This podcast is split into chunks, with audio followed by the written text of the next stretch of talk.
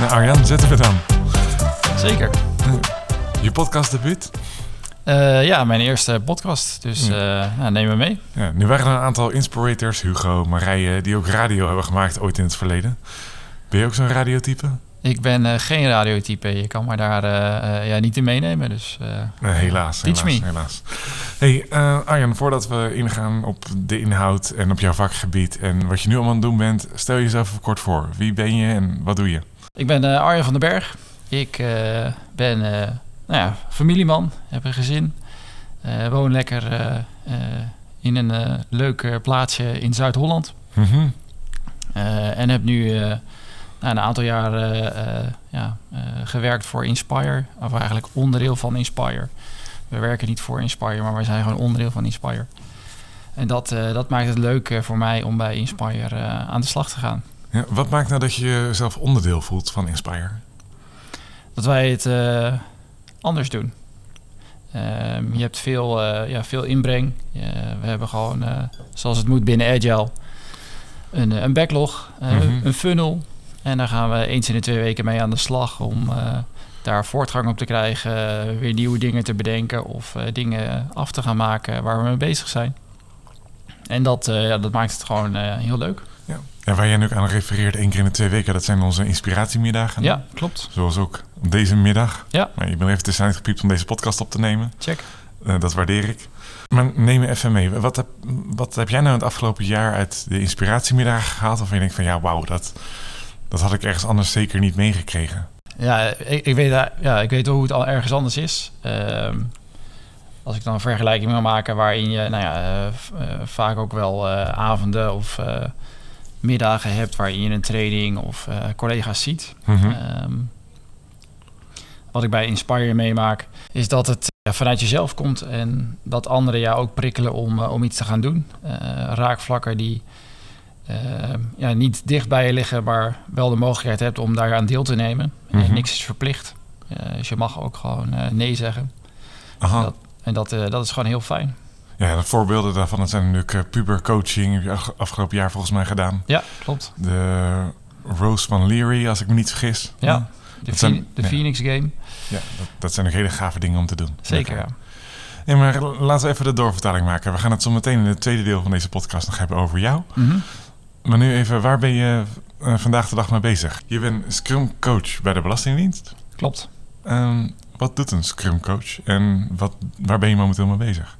Ik heb uh, momenteel uh, ja, twee opdrachten binnen de Belastingdienst. Uh, nou, de vraag was eigenlijk vrij simpel. Breng de huidige teams naar een hoger niveau qua agile werken. Mm -hmm. gaan de mensen daarin coachen.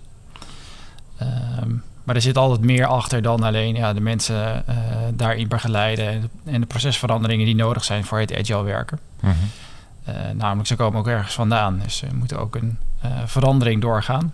Precies. en dat verschilt natuurlijk per persoon en per team... Uh, hoe ze daarin staan. Uh, wat er in het verleden is gebeurd. Dus uh, daar, daar help ik ze bij om dat inzichtelijk te krijgen. Om die verandering te gaan doen. Daar coach okay, in. En, en, zijn er dan bepaalde modellen voor die je daarop toepast? Of is dat toch, zoals Jan Faber in een vorige aflevering zei... joh, het is toch heel erg op levenservaring varen... en heel erg op ervaring met teams, ervaring met mensen... waarop de koers wordt bepaald?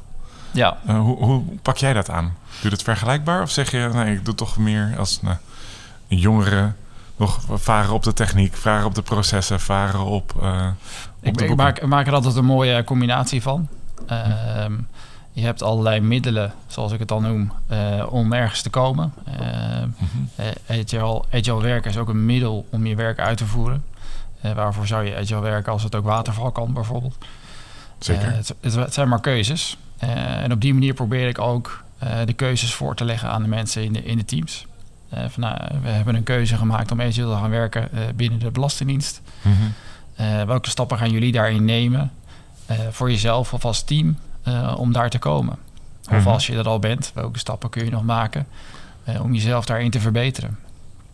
Ja, en neem, daar, neem ons daar eens in mee. Uh, wat is nou een typische... Dat, dat een beginnend... Nou, ik wil niet agilist noemen, maar iemand die begint met agile... Mhm.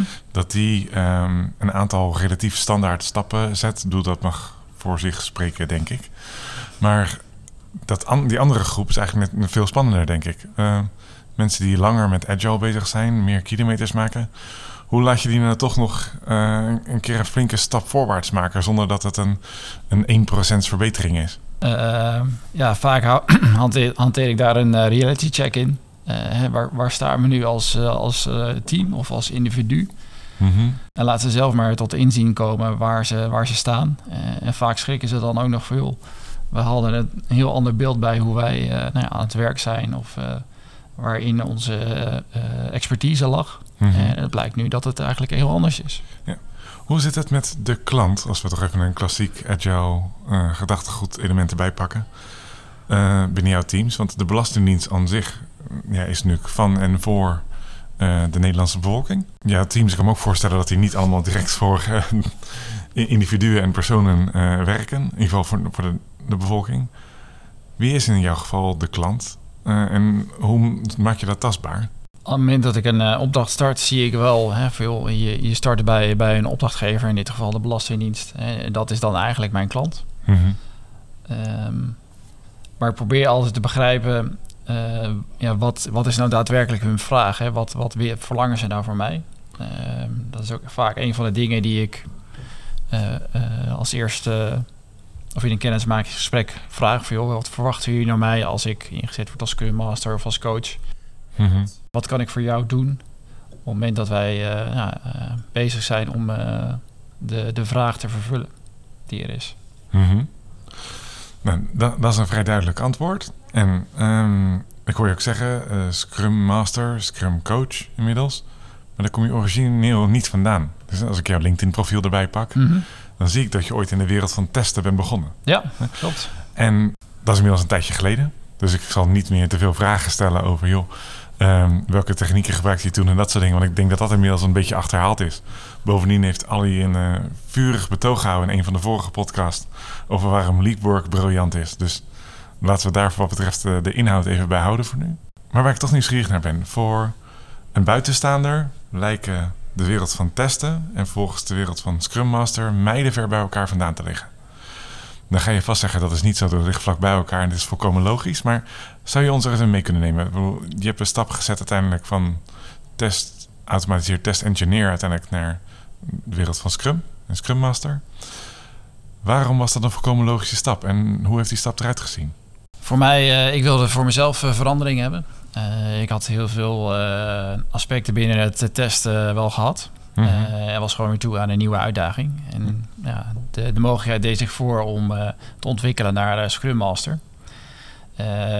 ja, wat qua takenpakket op dat moment ook vrij dicht lag bij wat ik deed. een stukje testmanagement of test, testcoördinatie. Mm -hmm.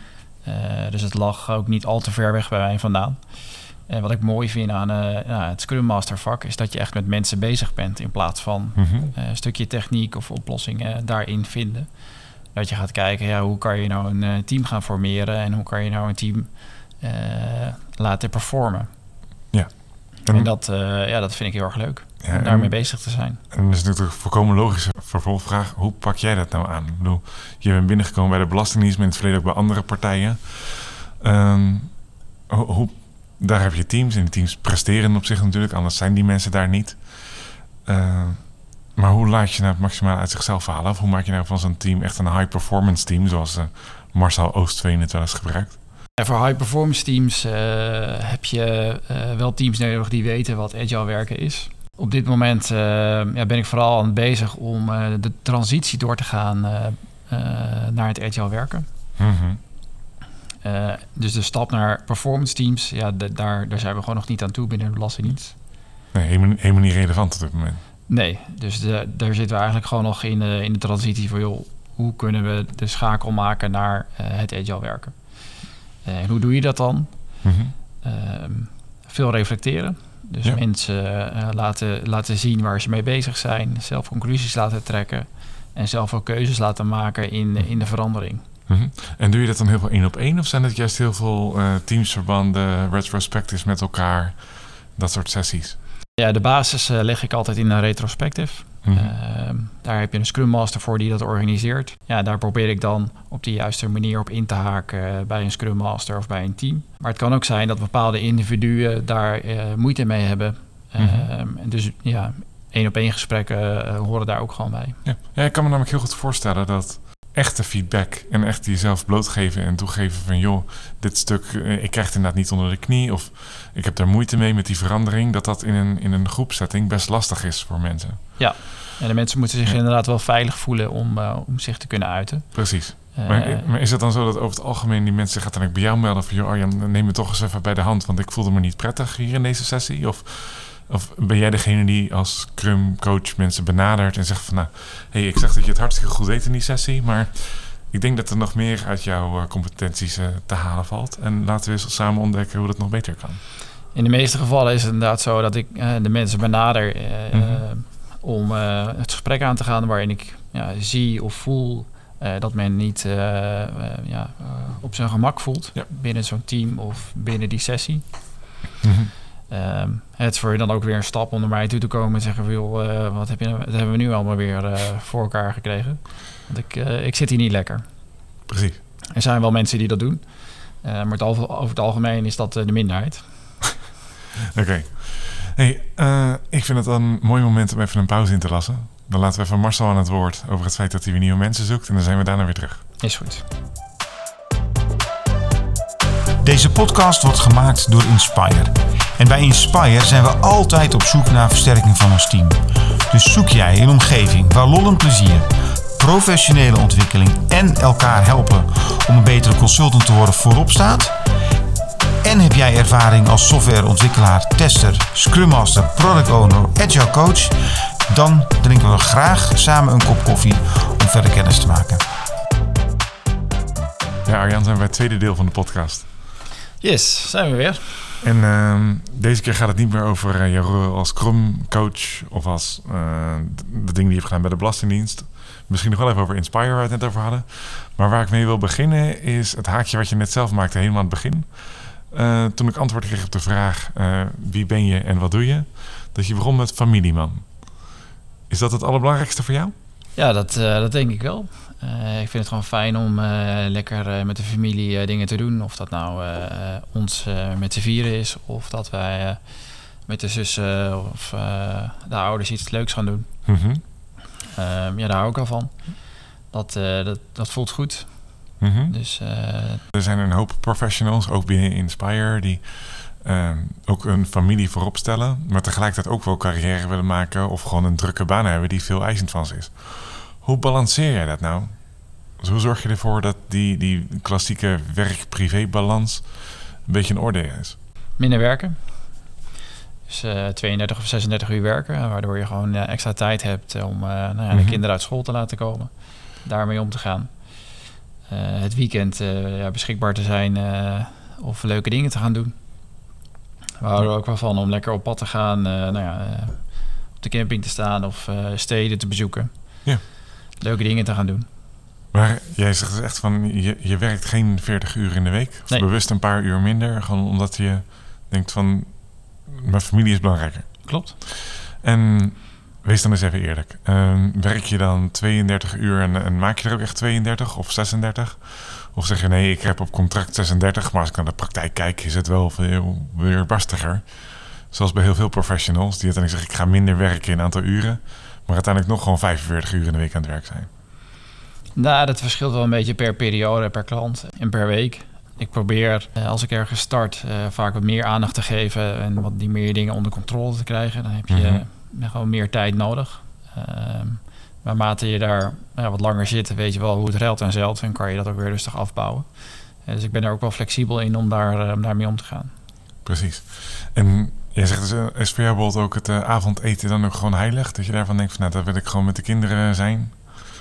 Of eh, denk je nou, Nou, we proberen altijd wel met z'n met z'n allen te eten. Ehm, we eten gelukkig laat en de kinderen zijn dat gewend. Dus als je wat later thuis bent, dan ja, hebben ze ook het geduld om daarop te wachten. Dus dat is wel fijn. Ah, dat helpt enorm natuurlijk. Ja. Ja, kijk, die van mij die zijn nog heel jong. Dus die, eh, ja, als ik eh, om zes uur nog niet thuis ben, ja, dan gaan ze toch echt eten. Want anders dan, eh, zijn ze, is er niet meer mee te dealen.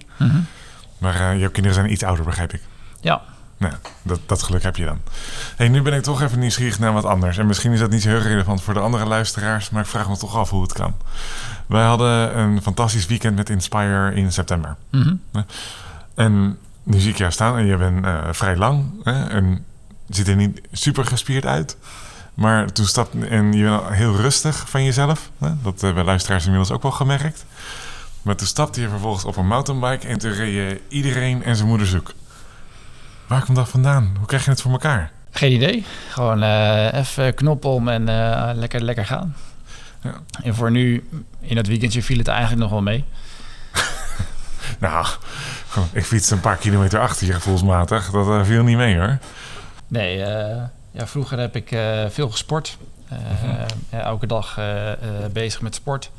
En dan heb je wel een redelijke basis. Ik merk nu wel dat de conditie gewoon weg is. Omdat ik vrij weinig meer doe aan sport. Ja. Dus af en toe inderdaad een keer op de mountainbike stappen en een, een rondje wandelen met de hond. En dan houdt het wel een beetje op. Mhm. Maar ik hou er, ik hou er wel van om inderdaad lekker ja, gas te geven op de mountainbike als het kan. Hey, en dan zeg je op de, op de mountainbike, maar je noemde ook- even de hond. Gebruik je dan dat soort momenten echt om gewoon even tot rust te komen? Even, eh, even ontspannen. Zeker in coronatijd is dat heerlijk. Je, je moet er gewoon uit met de hond. Eh, En dan heb je even een half uurtje dat je even buiten bent. We zijn ook zo in de polder. Mhm. En dat is, eh, dat is heerlijk. Dat eh, Ja. reset even je, je hersenen. Ja, is, is dat jouw manier om gewoon even, ook in de afgelopen twee jaar, want daar was ik ook nog even nieuwsgierig naar. Ik kan me voorstellen dat je kinderen wat ouder zijn, dat het nog een drukke bende was eh, thuis de afgelopen twee jaar. Zeker. Was dat jouw manier om echt even uit te tunen en even tot jezelf te kunnen komen, zonder gelijk in mediterende sferen te gaan praten? Ja, ja zeker wel. Ehm, voornamelijk in het begin hebben we ook wel met z'n vieren geprobeerd. Dat je merkt dat, eh, dat de kinderen daar ook wel een beetje last hebben. Dat ze toch uh, opeengepakt zitten om met z'n vieren het bos in te gaan. Mhm. Daar een rondje te gaan doen. Eh, en daar worden ze dan zelf ook weer lekker ontspannen van. Dan kunnen ze ook lekker rennen en doen. Ja, daar heb je gewoon de ruimte voor in het bos. Wat voor leuke dingen heb je daar nu op de planning staan? Want ik hoor jou eh, steden bezoeken, eh, dingen doen, hoor ik je in heel veel vormen herhalen. Zijn er leuke dingen die je nu op de rol hebt staan waar je naar uitkijkt dit jaar? Ja, ja we hebben naar aanleiding van de, of eigenlijk van de aardrijkskundetoets van, van mijn jongste dochter... hebben we besloten om elke maand eh, een stedentrip te gaan doen... Mhm. naar een van de hoofdsteden van de provincie in Nederland. Ah, zodat ze ook daar eh, Leuk, leuk. weten hoe het eruit ziet. Dus dat is wel, eh, dat is wel leuk. Dus En kunnen- eh, welke heb je al gehad? hebben we inmiddels Arnhem gehad. We hadden de planning naar Zwolle te gaan, maar dat ging, eh, dat ging niet door. Dus die, eh, die komt als eerste nu. Mhm. En dan eh, ja, mogen ze weer eh, een loodje trekken uit de pot.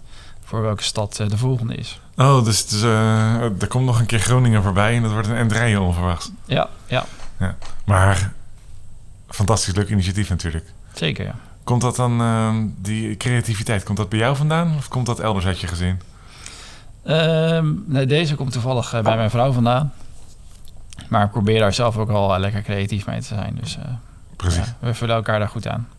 Ja, eh, ik zal heel eerlijk zijn, als ik nu zo zit te luisteren naar jouw verhaal, dan zou ik ook minder gaan werken. Want dat klinkt toch gewoon als een hartstikke eh, goede verstandhouding die jullie met elkaar hebben. Eh, maar ik wil toch even een, een. We kunnen daar nog uren over doorpraten, over wat je allemaal kan doen en waar je allemaal naar uitkijkt. Eh, maar ik wil even één stap verder in de toekomst. Je staat nu op een bepaald punt in je carrière. Eh, je hebt een bepaalde rol. Over een paar jaar zal je weer ergens anders zitten. Want dat, zo gaat het bij Inspire. Je bent uiteindelijk interim ergens. Hè? Ja. Ehm, en dat is natuurlijk ook wel het leuke aan het vak. Dat het eh, iedere zoveel tijd wisselt. Mhm. Maar waar sta je zelf eh, in de toekomst? En ik noem bewust geen jaartal. Want dat mag je dan even zelf invullen. Maar eh, als je een tijdje vooruit kijkt. wie ben je dan? En waar sta je dan? Daar probeer ik me eigenlijk heel weinig mee bezig te houden. Ik wil gewoon leuke dingen doen. En wat de dag van morgen brengt, ja, dat zie ik wel weer. Klinkt heel negatief, of ja, voor sommigen heel negatief. Maar ik, eh, ik voel me daar prettig bij om niet te ver naar voren te kijken. En te bedenken van, nou ja, als er een mooie kans voorbij komt, ja, dan pakken we die gewoon. Precies. En dat, dat doe je zowel zakelijk als ook in privésferen. Ja, eigenlijk wel. Ik laat daar niet heel veel eh, verschil in zijn, nee. Ik vind het een mooi antwoord. En ik zal ook vertellen waarom ik het een mooi antwoord vind. Je bent namelijk, eh, denk ik, de zevende of de achtste die dat antwoord geeft. Grappig. En allemaal in andere vormen. En eh, allemaal een klein beetje met het schaamgroot op de kaken van... joh, ik, eh, ik, ik geef het antwoord of ik weet het antwoord niet... maar daar ben ik eigenlijk ook wel een beetje trots op.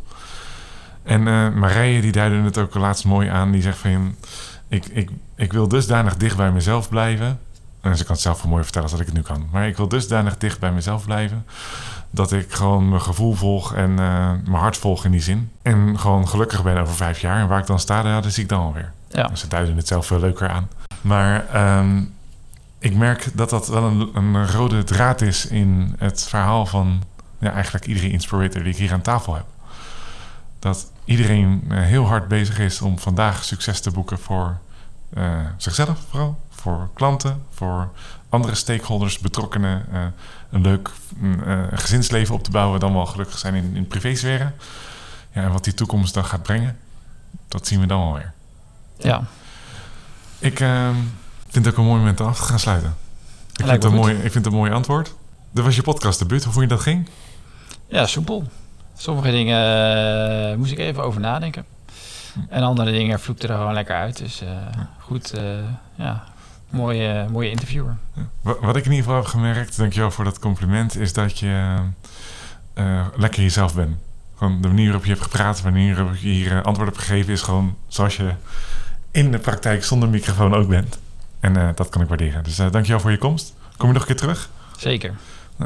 Luisteraars, dat was hem dan alweer. Alles wat Arjan genoemd heeft, wat meer diepgang of meer context nodig heeft, dat staat in de show notes. Die vind je ook op inspire.nl, waar je deze aflevering ook vindt. En mocht je nou meer willen weten over Inspire, een andere baan zoeken als tester, agile coach, eh, scrum master, product owner eh, of in een andere IT-rol, kijk dan even op inspire.nl en eh, maak gewoon een afspraak. Dan maken we binnenkort kennis.